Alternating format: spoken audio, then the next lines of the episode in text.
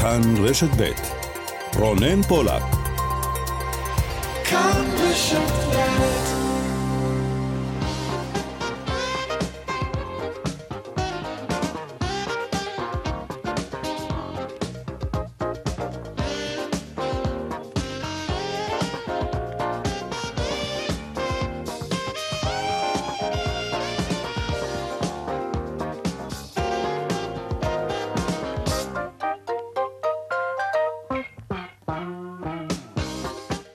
עכשיו ארבע ועוד חמש דקות וחצי, צבע הכסף, התוכנית הכלכלית כאן ברשת ב', שלום לכם, מועדים לשמחה ותודה שאתם איתנו גם היום, יום שני של חול המועד סוכות.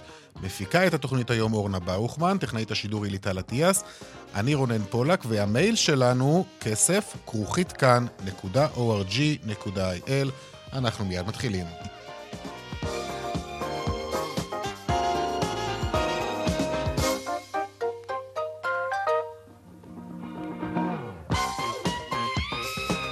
פותחים אה, כרגיל בכותרות צבע הכסף, המשבר בהייטק, ירידה דרמטית בהשקעות בחברות אה, פינטק בישראל. עד כה גויסו השנה 784 מיליון דולרים, בהשוואה לשלושה מיליארד בשנה הקודמת, וכשבעה מיליארד וחצי דולרים בשנה שלפניה. עוד מעט נדבר על הנתונים והמספרים, אה, שיש בהם גם כמה מגמות מעודדות דווקא. בדרך לפשרה בין הקבלנים למדינה בסוגיית התיקון לחוק המכר בעקבות בג"ץ שהגישו הקבלנים נגד התיקון ש...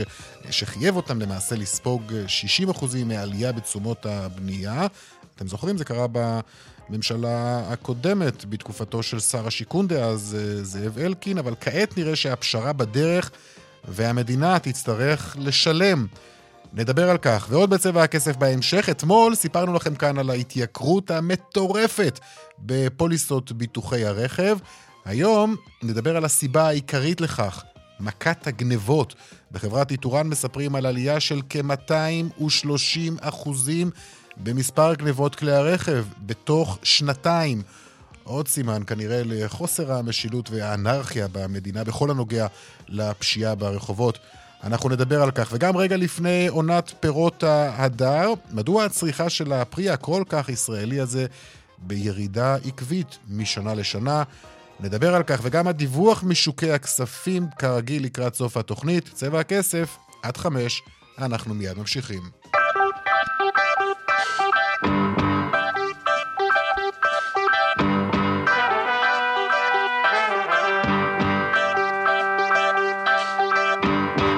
אנחנו פותחים בצפון, ראש הממשלה נתניהו החל שם את חופשתו היום. אנשי המחאה, גם הם באו בעקבותיו, וגם המטיילים הרבים בצפון שנאלצים אולי לחפש דרכים חלופיות, ודאי אם הם תכננו לטייל במסלול החופשה של משפחת נתניהו. שלום רובי אמרשלה, כתבנו בצפון. שלום, כן, אז אה, נתניהו ורעייתו שרה חזרו לאותו מלון בנבעתי, באותו מלון שבו הם שהו לפני כשישה שבועות. אני מקווה שאתם יכולים לשמוע את הצעקות ברקע זה, של זה, זה אה, הקולות מהחופשה? אלה קולות של... אה, אני חייב לציין שלא הרבה מפגינים שנמצאים כאן כרגע, יש כאן כמה עשרות. Mm-hmm. המפגינים ארגנו סך הכל סדר יום מאוד מאוד עמוס ומלא, החל מ-4 ועד 6 אמורה להיות כאן פעילות לכל המשפחה. אמ, יוגה, מדיטציה, ואחר כך אה, מעגלי אה, שיח שונים. בשש אמורה להיות כאן הפגנה אה, שבין האנשים שנאמו כאן, משה רדמן ודן חלוק הרמטכ"ל לשעבר, לאחר מכן ערב של הופעה ושירה בציבור. כך מתוכנן... רגע, וכל זה, איפה, איפה זה קורה כל זה, רובי? אז זהו, אז אני כרגע נמצא בתוך נבטים, סמוך למלון שבו שוהים בני הזוג נתניהו, ולאחר פסיקת בג"ץ שהייה הקודמת של בני הזוג נתניהו כאן בנווה עתיד, אז למוחים הותר להיכנס לתוך המושב ולהקים סוכה במרחק של כ-300-400 מטרים מהמלון. כביש הגישה לנווה עתיד, הכביש שחוצה את המושב ועולה לכיוון צפון רמת הגולן פתוח. יש כאן כוחות שבודקים את הרכבים, אבל סך הכל התנועה כאן חופשית לחלוטין. זה, זה אמור להשפיע על המטיילים שם? אני, אני זוכר בפעם הקודמת גם תושבי המושב אה, הביעו מחאה מאוד גדולה כמובן. איך זה מתקבל הפעם? הביעו לא רק מחאה, לא רק מחאה, הם גם הגישו בג"ץ, בגלל נכון. שנאסר עליהם אה, חופש התנועה, והם לא יכלו לצאת לאבד את השטחים החקלאיים שלהם. אז לא, הפעם הפיקו כאן את הלקחים, הכל כאן פתוח. שוב, יש כאן בידוקים של מכוניות שעוברות, אבל לא משהו שיותר בעיה מיוחדת, סך הכל הכל פתוח, וגם המוחים מבחינתם, כפי שזה נראה, אז הם פחות מיליטנטים ממה שהיה בפעם הקודמת. עדיין יהיו כאן מחאות, אבל בווליום קצת יותר נמוך. אוקיי, רובי אמרשלג, חופשה נעימה לכולם שם בכל אופן. לכולם, תודה רבה. תודה, להתראות. אוקיי, עניין אחר עכשיו, נדל"ן. בעקבות בג"ץ שהגישו הקבלנים נגד תיקון חוק המכר, נראה שהמדינה תצטרך להכניס את היד לכיס ולשלם לקבלנים תזכורת קצרה, התיקון הזה בוצע בתקופתו של שר השיכון הקודם, זאב אלקין, וחייב למעשה את הקבלנים לספוג 60% מהעלייה בתשומות הבנייה. הקבלנים זעמו, עתרו לבג"ץ, וכעת הפשרה בדרך. שלום מאור דואק, מנכ"ל מניף שירותים פיננסיים, שלום. שלום רב. בואו נתחיל, חג שמח כמובן, בואו נתחיל בהתחלה ממש, כי אני זוכר בזמנו ראיונות שעשינו כאן עם שר השיכון דאז אלקין, וגם עם מנכ"ל משרדו, שהם ממש דחו בזלזול את טענות הקבלנים ודיברו על בשורה של ממש עבור הרוכשים. מה בדיוק היה שם ומה, ומה עכשיו? קודם כל, אה, אה, בזמנו זו הייתה אמורה להיות על הנייר בשורה עבור הרוכשים, אבל כמו שתמיד, כמו שאני תמיד אומר בפורומים אחרים, כשהממשלה מתערבת, לא בטוח שזה לטובה. המדינה לאורך השנים, בכל שנות משבר הדיור, הוכיחה שכל פעם שהיא מתערבת, לא בטוח שיצא מזה טוב. אני לא מדבר עכשיו פוליטיקה, זה כל הממשלות מכל המינים ומכל הסוגים. התערבות ממשלתית בענף הנדל"ן, אם נסתכל עליה היסטורית, בדרך כלל גרמה לדברים הפוכים ממה שהשוק רצה. במקרה הספציפי הזה, רצה הממשלה, או שר השיכון דאז, להקל על הרוכשים. המדדים השתוללו, המדד תשומות הבנייה, ורוכשי הדירות, שגם ככה סבלו מעליית מחירי הדירות, בעצם נאלצו להוסיף עשרות אלפי שקלים, לפעמים אפילו מאות אלפי שקלים, על כל דירה שנרכשת בגלל אותם הפרשי הצמדה. מה עושים? עושים צעד שבעיניי היה חצי פופוליסטי באותה תקופה, אה, אה, למרות שאני יכול להבין את ההיגיון מאחוריו, באים ואומרים, אוקיי, נעשה חוק שבמסגרתו לא ניתן להגדיל את, אה, את התמורה שנגדית מהרוכשים, מבטלים את היכולת שלהם להצמיד את המחירים. זה, לא זה, זה היה צעד שהיה אמור להיטיב עם רוכשי הדירות. נכון, רק הבעיה היא שאתה לא יכול להיכנס כמו פיל בחנות חרסינה ולהגיד מעכשיו אני משנה את הכללים, והממשלה באמת יודעת את זה, משום שבצורה מאוד מאוד פשוטה, שוק הנדל"ן עדיין הוא שוק, שוק מאוד מאוד תחרותי וקשה, והיזמים שזכו בקרקעות, במכרזים של אותה מדינה שחוקקו את החוק, שינו להם בעצם את כללי המשחק. תוך כדי משחק. כנ... תוך כדי משחק. Uh-huh. אז יד ימין בחרה להם קרקעות בתנאי שוק מסוימים, ומיד יד שמאל באה ותקעה את הקבלנים ותהליך שלהם לקידום הפרויקטים. אוקיי, אבל כמובן... אני, אני מסתכל, אתה יודע, אני מסתכל על הפרשנויות שנעשו גם בזמנו וגם כעת, ולא היה שם אף אחד, אני לא יודע מה, ייעוץ משפטי אולי, שיבוא ויאמר אה, למשרד השיכון, יש פה בעיה? אז כבר אז היו קולות שאמרו, חבר'ה, זה לא יכול לעבור. אני חושב שגם בהיגיון בריא, לא קשור לנדל"ן ולא קשור לכלום, אתה מבין שזה לא יכול להיות. זה לא, לא הגיוני, והיו קולות שאמרו את זה. אבל הממשלה בזמנו הייתה מאוד מאוד נחושה אה, להביא תוצאות או להראות הישגים. יש כאלה שיגידו פופוליסטים יותר, יש כאלה שיגידו פופוליסטים פחות. רצו להראות שעושים פעולות על מנת לצנן את שוק הדיור, ולכן רצו קדימה ולא הסתכלו מה קורה מאחורה. אך מה קרה בעצם? מיד אחרי שהחוק חוקק, הלכו ועתרו לבג"ץ. עכשיו, לא רק שעתרו לבג"ץ, לא מעט יזמים, בוא נגיד ככה, כמו שאתה אה, אה, אה, יודע, יש איזשהו חוק לא כתוב שברגע שאתה עושה משהו, אתה לא יודע איזה דברים אחרים יקרו מסביב. במקרה ובאותה תקופה שוק הנדל"ן התחיל קצת להתקרר, ויזמים גילו שהם קנו קרקעות במחירים גבוהים, והממשלה שינתה את כללי המשחק, מה הם הלכו ועשו? ביטלו את הזכייה. באו ואמרו, הנה, שיניתם לנו את כללי המשחק, mm. אנחנו מבקשים מכם לשנות את הזכייה שלנו, לבטל את הזכייה שלנו. כלומר, לבטל את הקנייה היקרה של הקרקעות. אז הנה פעם אחת המדינה הפסידה. היא מכרה קרקעות במחיר גבוה, או חשבה שהיא מכרה, ובעקבות הצעד הזה, שנועד להקל על הרוכשים, בעצם המדינה הפסידה, אני יכול להמר סכום שלא לא בדקתי אותו, אבל אני אתן דוגמה אחת, של מיליארדי שקלים. רק לאחרונה היה מכרז באותה תקופה, מכרז לכמה מאות יחידות דיור באלעד, שנסגר במחיר של 650 מיליון שקל או 600 מיליון שקל, אם אני לא טועה, בעקבות אותו חוק, עתרו היזמים לבית המשפט וביקשו לבטל את זכייתם. החליטו להם ערבות של 40 מיליון שקל, המדינה נאלצה במסגרת ההליך המשפטי להחזיר להם את אותם 40 מיליון שקלים, ובעצם אפשרה להם לא לקנות את הקרקע, כי אחרת הם היו צריכים לקנות את הקרקע במחיר הזה, והפלא ופלא, לפני שבוע היה מכרז על אותם מקרקעין בדיוק. נחש בכמה נמכרו המקרקעין הפעם? נו. 150 מיליון שקל, הנחה של 450 מיליון שקל. עכשיו, אתה רוצה לשמוע משהו עוד יותר מדהים? אני... מי היה הזוכה? יש עוד משהו אותו יזם? יותר מדהים, כן. אותו יזם שזכה בקרקע לפני שנה ומשהו. אותו יזם. כלומר, במילים פשוטות, אה. כמו שאני אומר, המדינה מנסה לעשות איקס, אבל בעצם בהרבה מקרים, לא מרוע לב אגב, אני לא חלילה חושב שאנשים מנסים לעשות רע, לא. אבל לא בטוח שהמדינה מבינה איך ענף כן. הנדל"ן עובד. יכול להיות שהייתה צריכה להיות שם חשיבה קצת אה, שונה, או שמישהו היה צריך לתת את העצות הטובות יותר. תגיד, כמה כסף המדינה תצטרך לשלם על זה? רגע, כלומר, קודם כל, יש הסכם פשרה או שזה בדרך? מה בדיוק קורה שם?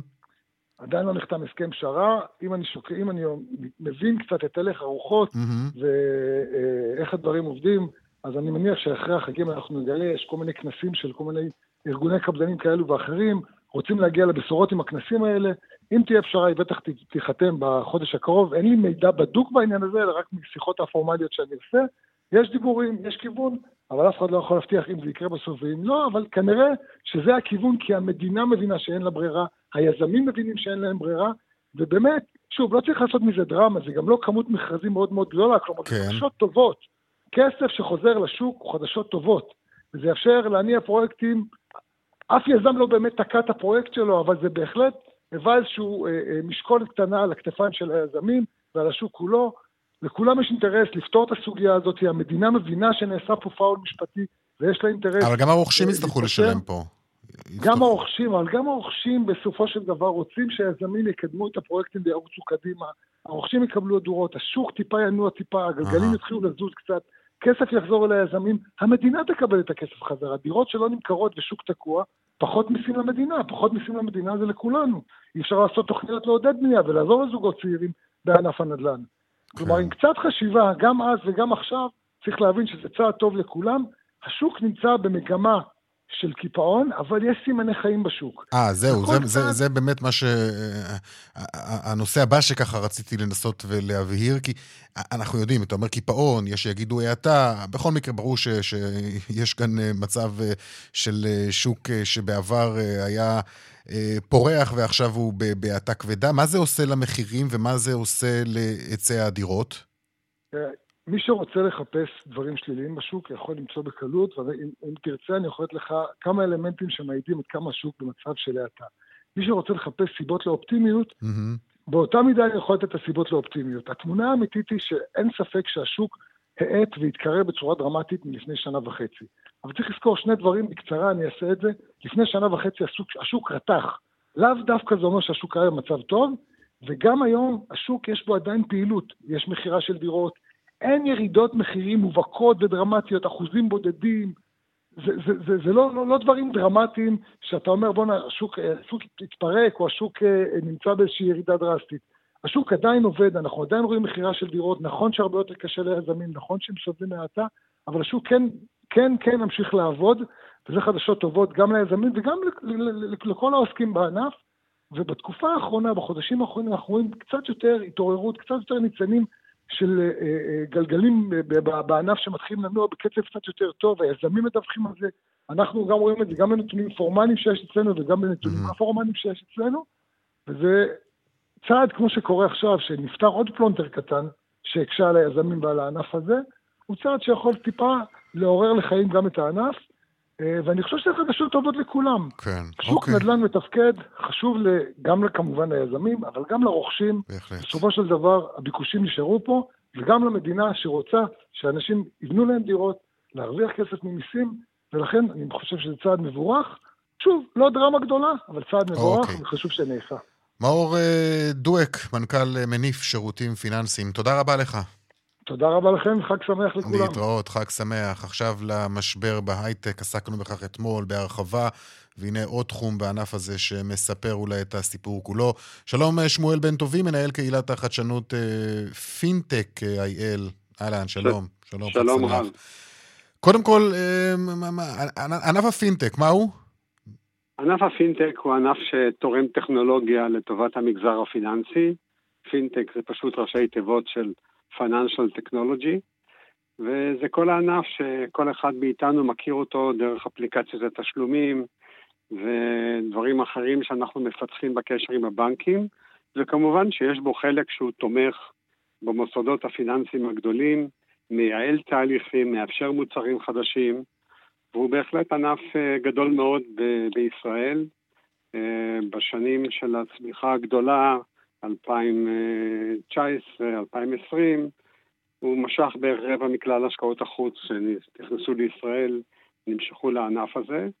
ויש לנו גם הרבה מאוד חברות מוצלחות, מה שקוראים יוניקורנס בענף, מעל 20.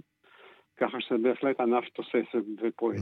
עד שמה, כי אני רואה את הנתונים שלכם אה, על הענף, ו- ועולים, אה, התמונה שעולה היא תמונה מדאיגה. כן, אנחנו ביצענו באמת סקר באמצעות IVC, אה, שבו רצינו לבדוק מה קורה בתשעת החודשים הראשונים של 23, והייתי אומר שהתמונה היא די זהה למה שקורה בכלל, בכלל בהייטק. בענף הפינטק. וענף ההייטק כולו. אהמ. אנחנו הסתכלנו על אה, כמות גיוסי ההון, הסתכלנו על עסקות, עסקות אקזיט, וגם בחנו את מצב המועסקים. אז אה, אם נתחיל מגיוסי ההון, אז בהחלט יש ירידה דרמטית. אה, נניח ב-21 היינו בסדר גודל של 7.5 מיליארד דולר השקעות בשנה, ב-22 ירדנו לכשלושה מיליארד, שזה גם כן סכום לא רע. אנחנו עכשיו בתשעת החודשים הראשונים נמצאים בערך בשלושת רבעי מיליארד. כלומר, בקצב של אה, מיליארד, ככה בערך נסיים את השנה הזאת, נכון? בערך, בקצב של מיליארד. אוקיי, וזה קצב אה, כמובן, שאתה משווה אותו לשנה שעברה, ושאתה משווה אותו לפני שנתיים, זה... נכון, לפני שנתיים הייתה שנת השיא, אנחנו היום בערך ברמה שהיינו בה ב-2017-2018, שזה בהחלט לא חדשות טובות. כצפוי זה מושפע משני גורמים, א', מה שקורה בכלל בתחום ההייטק אה, בעולם וגם אצלנו. וכמובן גם הסנטימנט השלילי המיוחד אצלנו לא, לא מביא בריאות אה, לענף. אז אה, זה מה שקורה מבחינת גיוסי הון. מבחינת אקזיטים גם כן אנחנו רואים ירידה גדולה מאוד במספר האקזיטים, וזה בהחלט לא מעודד. אם כי במסחת מספר המועסקים, אני מוכרח לומר זאת נקודת אור, אנחנו אמנם רואים תזוזה של מועסקים, אבל אנחנו רואים אותם בעיקר עוברים מהחברות הקטנות יותר, שבתקופת המשבר התקשו לגייס הון, והם בדרך כלל נקלטים אצל החברות הגדולות יותר, אם כי גם בחברות הגדולות יותר היו פה ושם גלי פיטורים, אולי לא המוניים, אבל בהחלט אה, מצבת כוח האדם של הענף, אמנם לא צמחה, אבל לפחות אה, שמרה על גודלה. אז אה, זו התמונה. עכשיו, אנחנו אה, גם רואים אה, סימנים חיוביים בכל מה ש... רגע, רגע, בוא, עוד לפני החיוביים, כן. ואנחנו נגיע לחיוביים, באמת, כלומר, אבל אנחנו מדברים, אני עדיין לא מנסה להבין את, ה, את המשמעות של הנתונים האלו שהצגת עד כה, וגם לנסות להבין ממה בעצם זה נובע, כי אנחנו נמצאים בתוך משבר גלובלי, אנחנו יודעים את זה, הזכרת זאת גם, אבל בכל זאת אני גם מתעניין ורוצה לדעת מה, מה מאפיין בכל זאת את ישראל בכל ה... המשבר הזה? כן, תראה, מה שמאפיין את ישראל בכלל בענף הפינטק, זה אמנם הולך ומשתנה, אבל אם נסתכל על השנים האחרונות, אנחנו נראה שמבין ענפי ההייטק, הוא זה שפעיל הכי פחות בישראל עצמה. זאת אומרת, גם כשמסתכלים על חקלאות או ביטחון או רפואה, אנחנו רואים שהשוק העיקרי נמצא בחו"ל, ואין פלא שהחברות הישראליות מחפשות את מזלם בחו"ל, כולל הנפקות. אבל ברוב הענפים האחרים, אתה רואה שלב ה-POC, שלב הוכחת ההיתכנות, מתבצע בישראל, או איזושהי התחלה של אה, פעילות בישראל, ואחר כך מזנקים לחו"ל, ובהחלט באופן מוצדק. בתחום הפינטק זה שונה לחלוטין. בתחום הפינטק, החברות הגדולות ביותר בענף הפינטק, הייתי אומר 20 הגדולות, ברובן הגדול בכלל לא פעילות בארץ. האזרח הקטן לא יודע מי הם, לא מכיר אותם, לא שמע עליהם אף פעם. מי שכן שמע עליהם לאזרחים בארצות הברית ובבריטניה וביפן. והתשובה לעניין הזה היא אחת והיא קצרה מאוד והיא mm-hmm. רגולציה. הרגולציה בארץ, לפחות עד לפני כשנה, שנה וחצי, הייתה מאוד מגבילה, גם המבנה הרגולטורי שלנו הוא לא בדיוק ידידותי, כך שחברות ישראליות אמרו, למה לנו כאב הראש הזה בשביל שוק של תשעה מיליון איש, בואו נעבור את הכאב ראש הזה כבר בשביל שוק של 300 מיליון איש. כן. ולכן המאפיין של הענף הזה, היא שרוב רובה של הטכנולוגיה, למרות שאנחנו רואים הרבה מאוד שינויים בזמן האחרון, זהו, אבל, אבל רוב רובה של הטכנולוגיה כן. לא מיושמת בישראל בכלל. אם כי כן, אנחנו כן רואים שינויים גם בתחומי הבנקאות הפתוחה והתשלומים. בהחלט רואים בתחום התשלומים, בתחום הבנקאות הפתוחה, אה, התחלות מסוימות בשוק הביטוח. Mm-hmm. יש מגמה חיובית, שהיא נובעת בעיקר משני וקטורים. אחד זה כמובן המצב בחו"ל. גם מצב ההייטק והפינטק בעולם לא היה בשיאו בשנה האחרונה, ולכן היה יותר תמריץ לחברות הגדולות גם להסתכל על השוק המקומי. דבר שני, וזה צריך להגיד לזכותם של הרגולטורים, יש בהחלט רפורמות משמעותיות. גם רפורמות הבנקאות הפתוחה, רפורמות בתחום התשלומים, ויותר ויותר מתאפשר לחברות הגדולות אה, גם לפעול בישראל. אם ניקח רק את החודשים האחרונים, חברות שהודיעו על זה, ואני לא מגלה סודות מדינה, כמו רפיד, כמו פיוניר, כמו בלו ויין, כמו פגאיה, הן חברות ענק, כן? אבל רוב הציבור בארץ לא יודע מי הם ולא שמע עליהם. אני מקווה שבקרוב ישמע, כי הן באמת פותחות פעילות ישראלית, ואני מקווה שירחיבו כן. אותם עם, עם התקדמות הרגולציה. עכשיו, מה לגבי... זה באמת השונה בענף mm-hmm. הזה מכל ענפי הטק האחרים. מה לגבי uh, תחומים uh, טכנולוגיים uh, כמו הבינה המלאכותית? למשל. כן, ש... ברור שיש להם השפעה מכרעת על התחום הזה. היא אמורה גם להשפיע בצורה ניכרת אפילו על השוק. אנחנו כבר רואים סימנים מאוד מהותיים של עננות בכל תחום של חיתום ואישור בקשות אשראי. שנשענים על כלי AI, יש לא מעט שחקנים ישראלים שפעילים בתחום, צריך להגיד בסוגריים שיש גם סיכונים בתחום הזה שצריך לעבוד עליהם, של הטיה בגלל נתונים מסוימים, וגם פה המחוקק והרגולטורים כבר מתעמקים בסוגיה כדי לנצל את היתרונות של ה-AI בלי, בלי להיכנס לסיכונים מיותרים. אה, אבל בהחלט אה, המהפכה הטכנולוגית לא עצרה, יש המון חידושים שהם ישימים אה, גם ולפעמים בעיקר לחברות פינטק, ולכן לגבי עתידו של הענף אנחנו ממש לא מודאגים. אבל יש פה איזשהו שפל ש, שצריך לצאת ממנו. אוקיי, טוב, אה, אין ספק, אבל יש גם אה, תקוות ולפחות אולי אופטימיות מסוימת גם בדברים שלך לגבי העתיד. אה, שמואל בן אה, טובים, מנהל קהילת החדשנות אה, פינטק איי-אל, תודה רבה לך. תודה רבה לכם וחג שמח. חג שמח, להתראות. עכשיו בוא נראה מה קורה בכבישים.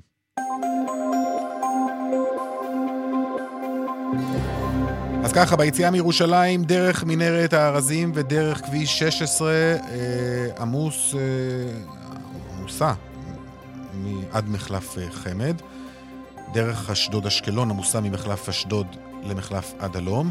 דרך תל אביב-ירושלים עמוסה מקיבוץ גלויות עד מחלף גנות וממחלף ענווה עד שורש. דיווחים נוספים תוכלו לקבל בכוכבי 9550 ובמוקד התנועה באתר כאן. עכשיו פרסומות, אחר כך נדבר על באמת מכת אה, המדינה שהולכת ומחריפה כבר בשנתיים האחרונות. אנחנו מדברים על קצב גידול של גנבת מכוניות, אה, גידול של 230 אחוזים.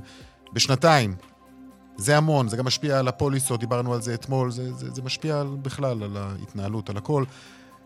פרסומות כבר חוזרים.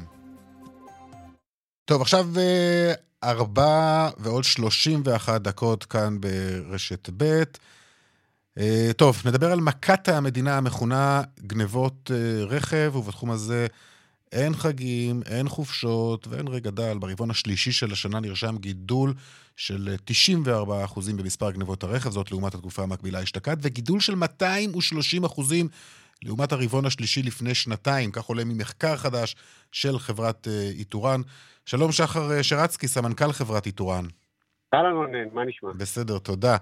אה, תשמע, הגנבים ללא ספק חוגגים השנה כמעט ללא מפריע.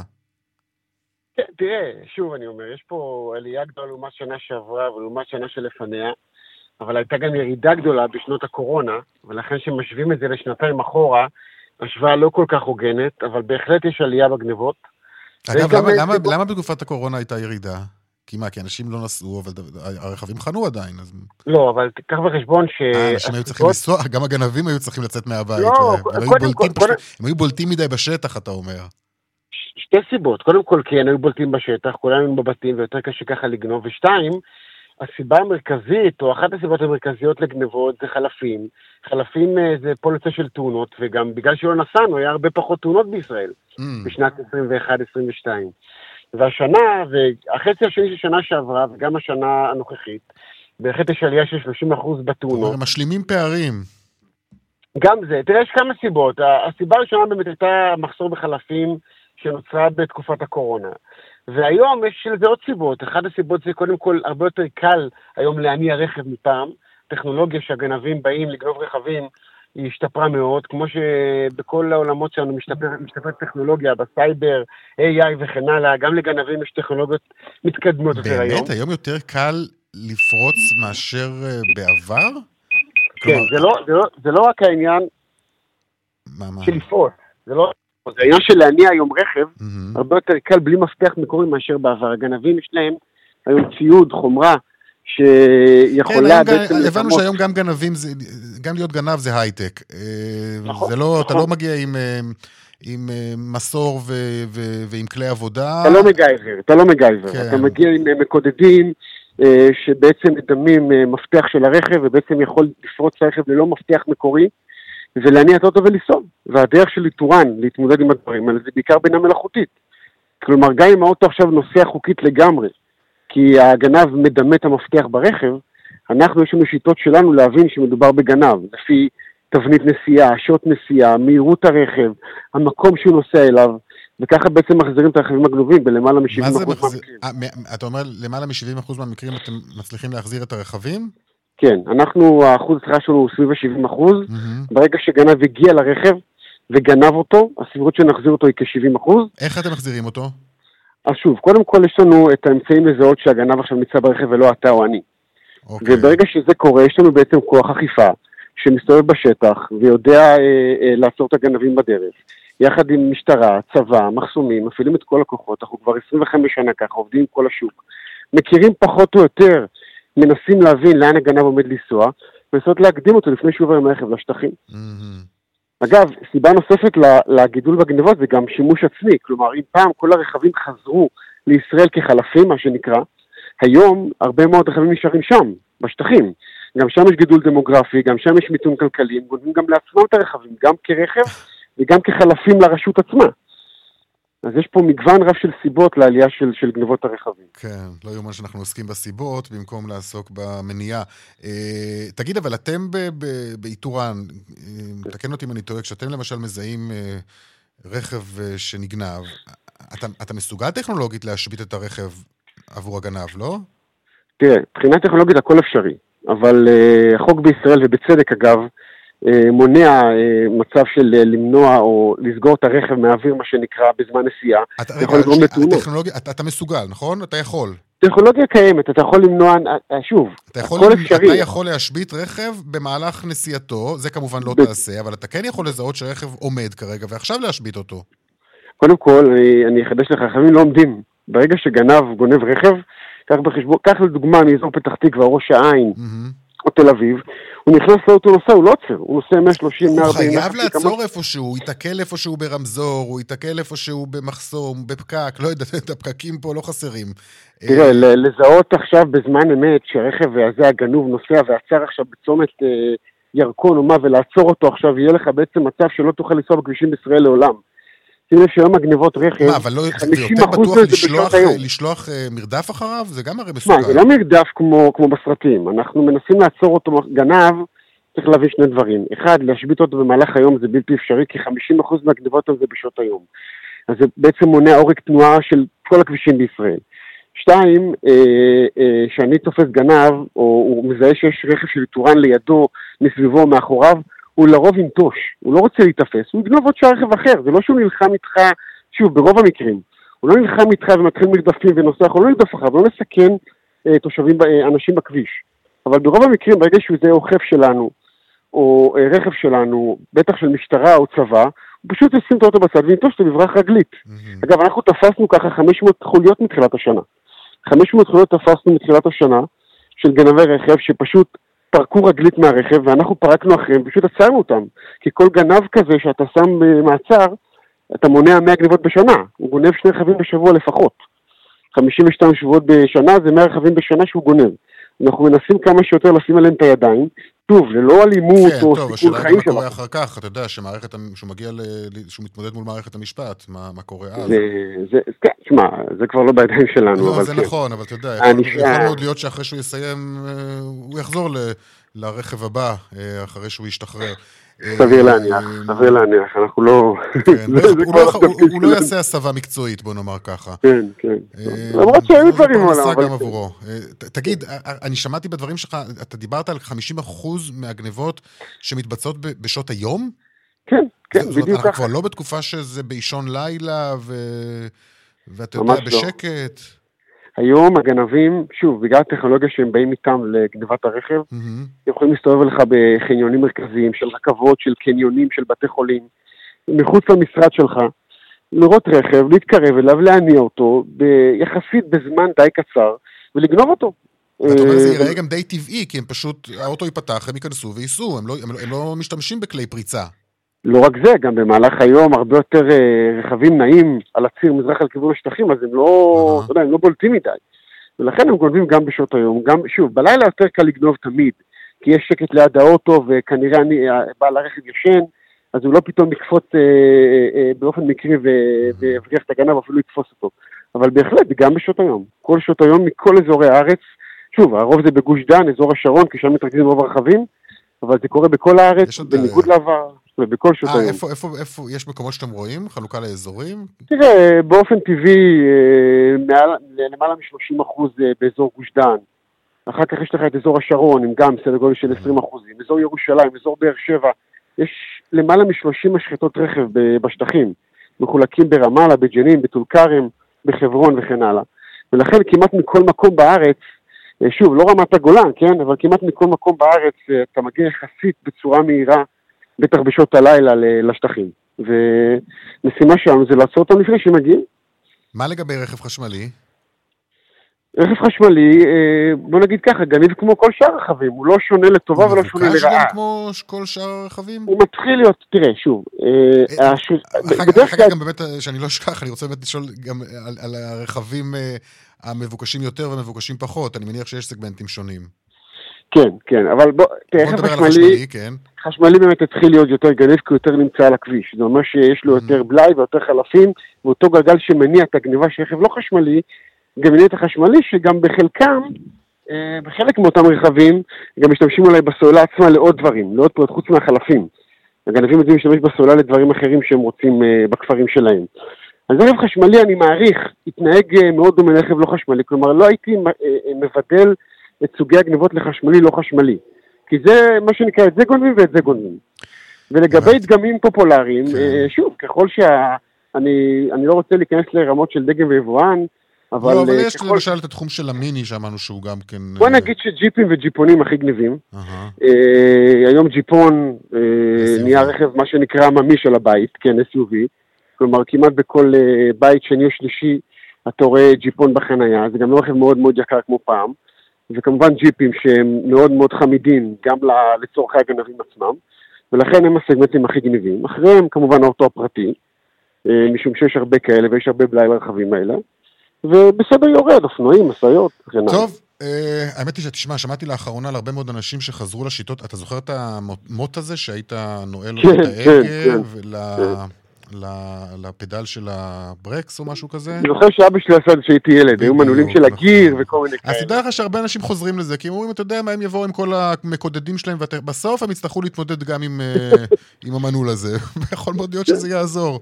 כל דבר שיעזור, אנחנו נשמח, בוודאי. אוקיי. טוב, שחר שרצקי, סמנכ"ל אה, חברת איתורן, תודה רבה לך. תודה לך, יום טוב. להתראות.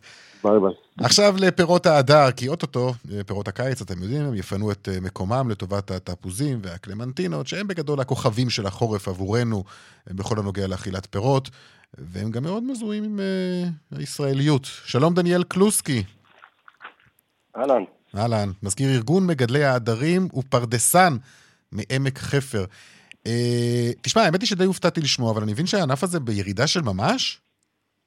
לא, בוא, לא- בוא, בוא לא נגזים. לא? לא, לא.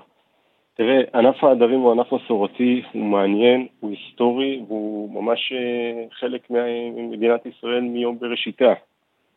נכון. אבל אה, אין ספק שהצריכה של, של הדרים קצת בירידה. אוקיי, אתה אומר קצת בירידה. אה, מה, מה תסביר? זאת אומרת, מה, אנחנו אוכלים פחות אה, מהפרי הזה? אה, באופן כללי, בשנים האחרונות יש ירידה של צריכה של פירות וירקות. אפשר לנתח נתוני למ"ס, אפשר לראות שהירידה היא ירידה של, ירידה משמעותית, נגיד אם ירקות צרכו בערך 200 קילו נפש, היום זה בערך 130, בפירות גם כן ירדו בערך בעשרה קילו לנפש, זה, זה הרבה. ולדעתי, אחד מהדברים הבולטים ביותר זה שהדיאטה שלנו, מה שאנחנו צורכים הוא השתנה. ואני אגיד דבר כזה, לכמעט כולנו, אני, יש לי משפחה צעירה, כמעט כולנו יש לנו מגירה של ממתקים וחטיפים, אבל אין לנו קערה גדולה של אה, ירקות על השיש, כמו שאצלנו היה כשהיינו ילדים. נכון, נכון. אה, מה, רגע, אז מה, זה, זה הסיבה? כלומר, אנחנו, אנחנו פשוט הוצאנו את זה מהתפריט? או שהפחתנו? לדעתי הפחתנו, בנוסף לזה פירות ההדר יש להם תחרות, וככל שיש יבוא אה, מחו"ל, חלק מהרפורמה החקלאית שהייתה, אין יבוא של פרי הדר, אבל פתאום אנחנו רואים פירות של קיץ בחורף, לדוגמה ענבים. אז המשטח מכירה של פרי ההדר או של הפרי ישראלי שאמור להיות בחורף, קטן. כי בעצם הסופרים רוצים להציג בפנינו עוד מוצרים. את הפירות האקזוטיים יותר, היפים יותר, אה, איך נאמר, הסקסיים יותר, כפי שישנם מי שאומרים, והענבים כנראה מצטלמים טוב יותר. אה, אם כי נכון, זה יבוא, זה מגיע מדרום אפריקה, אם אני לא טועה, ו... אה, אבל כן, ענבים היום אפשר למצוא בכל השנה, אה, ו- ו- ופירות הדר, מתי מתחילה העונה הרשמי, העונה באופן רשמי? העונה הרשמית מתחילה בערך עוד שבועיים, כאשר לאט לאט נכנסים אה, כל מיני אה, מיני הדרים לשוק. לדוגמה, מתחיל קטיף הפומלית, לאט לאט קטיף הסצומה, שזה זן מקדים של קלמנטינה. המיכל המיתולוגי תתחיל להיכתף, אני מניח, עוד שבועיים, ולאט לאט התפוז ניול ייכנס. עדיין עם המדבקות של ג'אפה? אה, שמח שהעלית את זה. ג'אפה זה, זה מותג מדהים, שאגב, משתמשים בו בכל העולם, ויש גם זכיינים למותג ג'אפה, לא רק אה, תפוז ישראלי, מה שנקרא. כן, זה מותג בהחלט עם זיכרונות אה, טובים. עכשיו, תגיד, האגדה מספרת, יכול להיות מאוד שזה לא אגדה, שהפירות הטובים והמובחרים הולכים לייצוא, ואנחנו נשארים כאן עם הסחורה הפחות טובה. האומנם? זה ממש לא, לא? לא נכון. תראה, ענף העדרים, הסחורה שלו מתחלקת לשלוש. או שהיא הולכת ל, לייצוא באמת, שזה זנים מאוד ספציפיים, שאגב גם השוק המקומי מאוד נהנה מהם, ובשוק המקומי דווקא יש תופעה מאוד מעניינת אצל הישראלים, הם רוצים פרי גדול, מאוד גדול. אם נגיד מנדרינה שהיא הכי טעימה שאפשר אפשר לגדול, לצרוך אותה בערך בגודל של 60 מילימטר, זה 6 סנטים בערך, הישראלים אוהבים גודל 80 ו-90, ששם היא פחות טעימה. אה, וזה מה שהישראלים אוהבים וזה מה שנשאר בארץ, ואילו שאר הזנים מתחלקים בין תעשייה, תעשיית המיץ, מה שצורכים, לבין אה, אה, שוק מקומי ויציאה לחו"ל, כמו שאמרתי, בערך שליש, שליש, שליש. טוב, תגיד, מה יהיו המחירים השנה? אנחנו תמיד מדברים או. על הפירות הקיץ, באמת, כמעט בלתי אפשרי לקנות אה, מחירים, אה, פירות קיץ, בגלל המחירים הכל כך גבוהים. המחירים של העדרים קצת יותר עממיים? זה עלייה וקוץ בה, אני אסביר. בסופר, ששם בדרך כלל עושים קניות של פירות וירקות, הירק או הפרי הכי זול זה תמיד יהיה של העדרים. ולכן אני מאוד שמח שזה יכול להיות מונגש לכל בית בישראל. יחד עם זאת, יש קטע שהוא מאוד מאוד מעצבן, זה פערי שיווק, פערי תיווך. החקלאי הישראלי מקבל על קילו מנדרינה בערך שקל וחצי ועל תפוז בערך שקל, על לימון בממוצע שקל, ואילו בסופר רואים לימון בתשעה שקלים, רואים מנדרינה בחמישה ושישה ושבעה שקלים וגם תפוז. זה, זה מאוד מקומם, כי חבל, אפשר למכור את זה בהרבה יותר בזול ולהנגיש את זה עוד יותר לאוכלוסייה. כן, בהחלט, אוקיי. שבועיים, אה, עוד שבועיים מתחילה אה, העונה הזאת. החגיגה. החגיגה, כן. אה, דניאל קלוסקי, מזכיר ארגון מגדלי העדרים, תודה רבה לך ובהצלחה. תודה רבה. להתראות. ביי ביי. דיווחי תנועה, כן. דרך 60 עמוסה מכרמי צור עד חברון, איילון צפונה עמוס מקיבוץ גלויות עד ההלכה ודרומה ממחלף רוקח עד לגוארדיה. דרך 6 צפונה עמוסה ממחלף בקה עד מחלף עירון, דרומה ממחלף מאחז עד מחלף בית קמה. דיווחים נוספים בכאן מוקד התנועה כוכבי 9550 ובאתר שלנו. עכשיו פרסומות, אה, יש לנו עוד כמה עניינים גם אחריהן. האמת היא, דקה וחצי ואנחנו חוזרים. פרסומות כבר חוזרים. עכשיו 49 דקות אחרי ארבע. שלום עדן בן שלוש. שלום. לא שומעים אותי. לא, הופה, הנה, אה, עכשיו. שומעים אותי הנה, מרגש. פתחו לך את המיקרופון. שלום גם לך, רוני קולמן. שלום, שלום. זה אפילו יותר מרגש שרוני פה. לא, די, די, נו. מה קורה? די, תמשיכי. איך עובר החג? שמע, אין על סוכות. נהנת לולב? נהנת? נהנת? ממש, מת על החג האמת. שעוד לא יצא לי לנענע לולב. אתה נהנת? אה, כן? הבוקר? כן? הבוקר? כן? באמת? כן? קנית אתרוג ב-5,000 דולר? מרוקני? אתרוג תימני? מרוקני? סליחה, אני. פולק. לא, אני לא קונה מרוקני. אז מה. זה רק האתרוג שהוא אני מרוקני. בתור בן שלוש מרשה לך לקנות אתרוג מרוקני. ב-5,000 דולר? יש בפחות, אתה לא חייב, אתה יודע, לא את. הפירמה של לא, אריה דרעי. אתה יכול משהו אחר גם. שמע, זה רק האתרוג מרוקני, זה לא חייב להיות גם אתה. אה, למרות שאין מה לעשות, מרוקנים עולים ביוקר, בתור מרוקני. טוב, בוא נדבר על לאס וגאס. יאללה. יואו, איזה כיף. שם נחנך בסוף השבוע אולם המופעים אה, החדש ו- ו- ו- והמדהים. פסיכי. שמע, אם אה, חשבנו שלס וגאס מוגזמת, לא הבנו עד- עד כדי כן. כך. לגמרי. הכל שם מוגזם.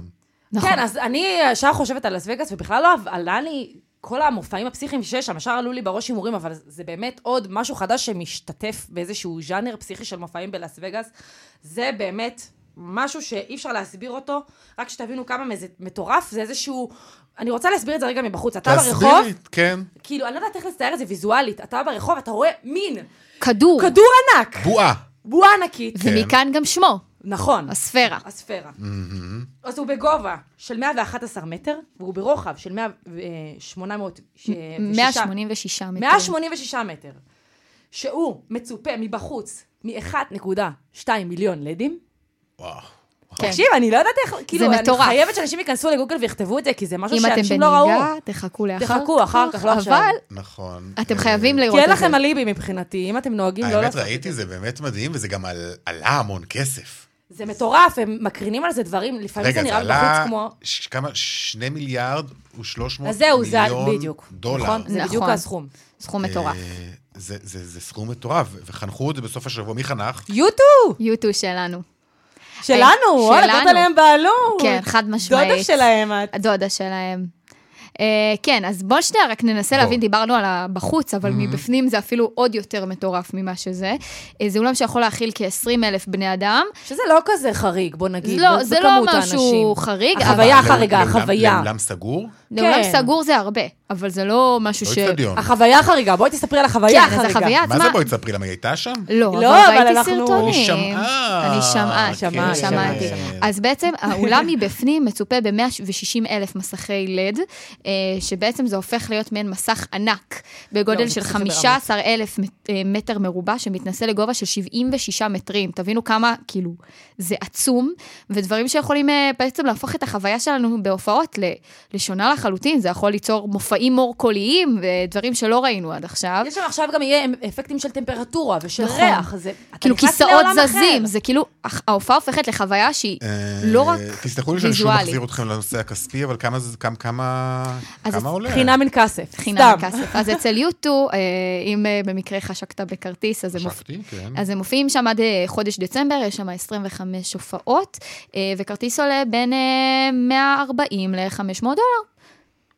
אה. לא עכשיו, לא, אה, לא, לא בשמיים. לא נפלתי מהכיסא, משהו שלגמרי, כן. בשביל החוויה. בשביל החוויה. הייתי משלם. בשביל החוויה. בלונדון גם אתה הולך לאיזה מופע פסיכי, אתה משלם על זה הרבה כסף. לא, לא. זה ברור. ברור. זה שווה את זה נורא. שמע, אנחנו מוכנות אה, ללכת לבחון את זה שליחות בעצמנו. צבע הכסף. אז זהו, חשבנו כן. שבכללי כן. נעשה פינה נודדת ממקומות כן. בעולם. נכון, עדן ורוני... אה, מטיילות בדרך- בעולם.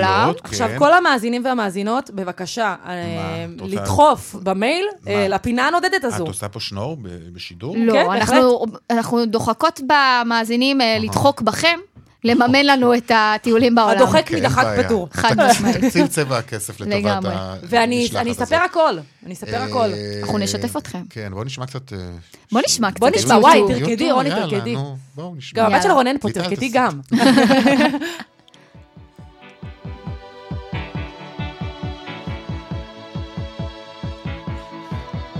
קצת מעלית.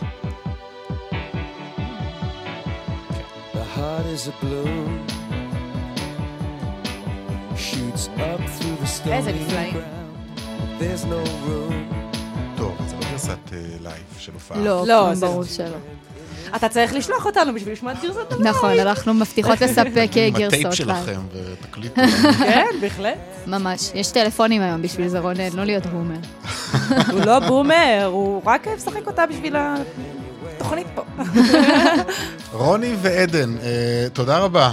תודה לך. תודה רבה לכם. חג התגעגענו אז שמח. באנו. חג שמח, תנענעו. שוב, כפי שאנחנו אומרים תמיד. אה, טוב, בואו נמשיך קצת עם יוטיוב ברקע, ונוכל להעלות את הבורסה? כן, נכון? אז יאללה.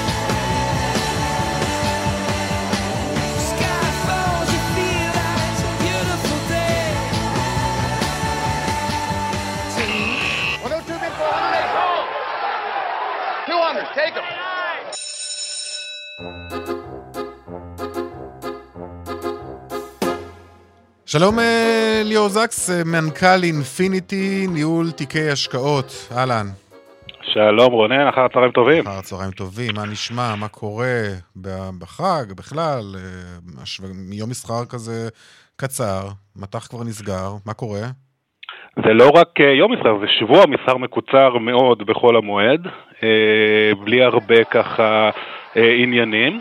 אצלנו היום אה, מגמה חיובית, על אף שמדד 35 נסגר סביב האפס, אז מדד תל אביב 125 רשם עלייה של רבע אחוז, מדד ה-90 עלייה של שבע עשיריות. אה, מדד הבנקים דווקא, הפתיע לרעה, ירד אה, אחוז ושלוש עשיריות. אה, מאזן קצת העליות החזקות שלו גם מאתמול ובכלל בחודש ספטמבר. אה, הדולר, הדולר מתחזק קצת סביב אה, של- שלושה שקלים, 83 אגורות וחצי. וגם בדיוק שעות הפתיחה של אה, הבורסות מעבר לים בארצות הברית, אז גם שם מגמה מעורבת, כאשר ה-S&P רושם ירידה של אה, עשירית, מדד הטכנולוגיה, הנסדק רושם עלייה של חצי אחוז.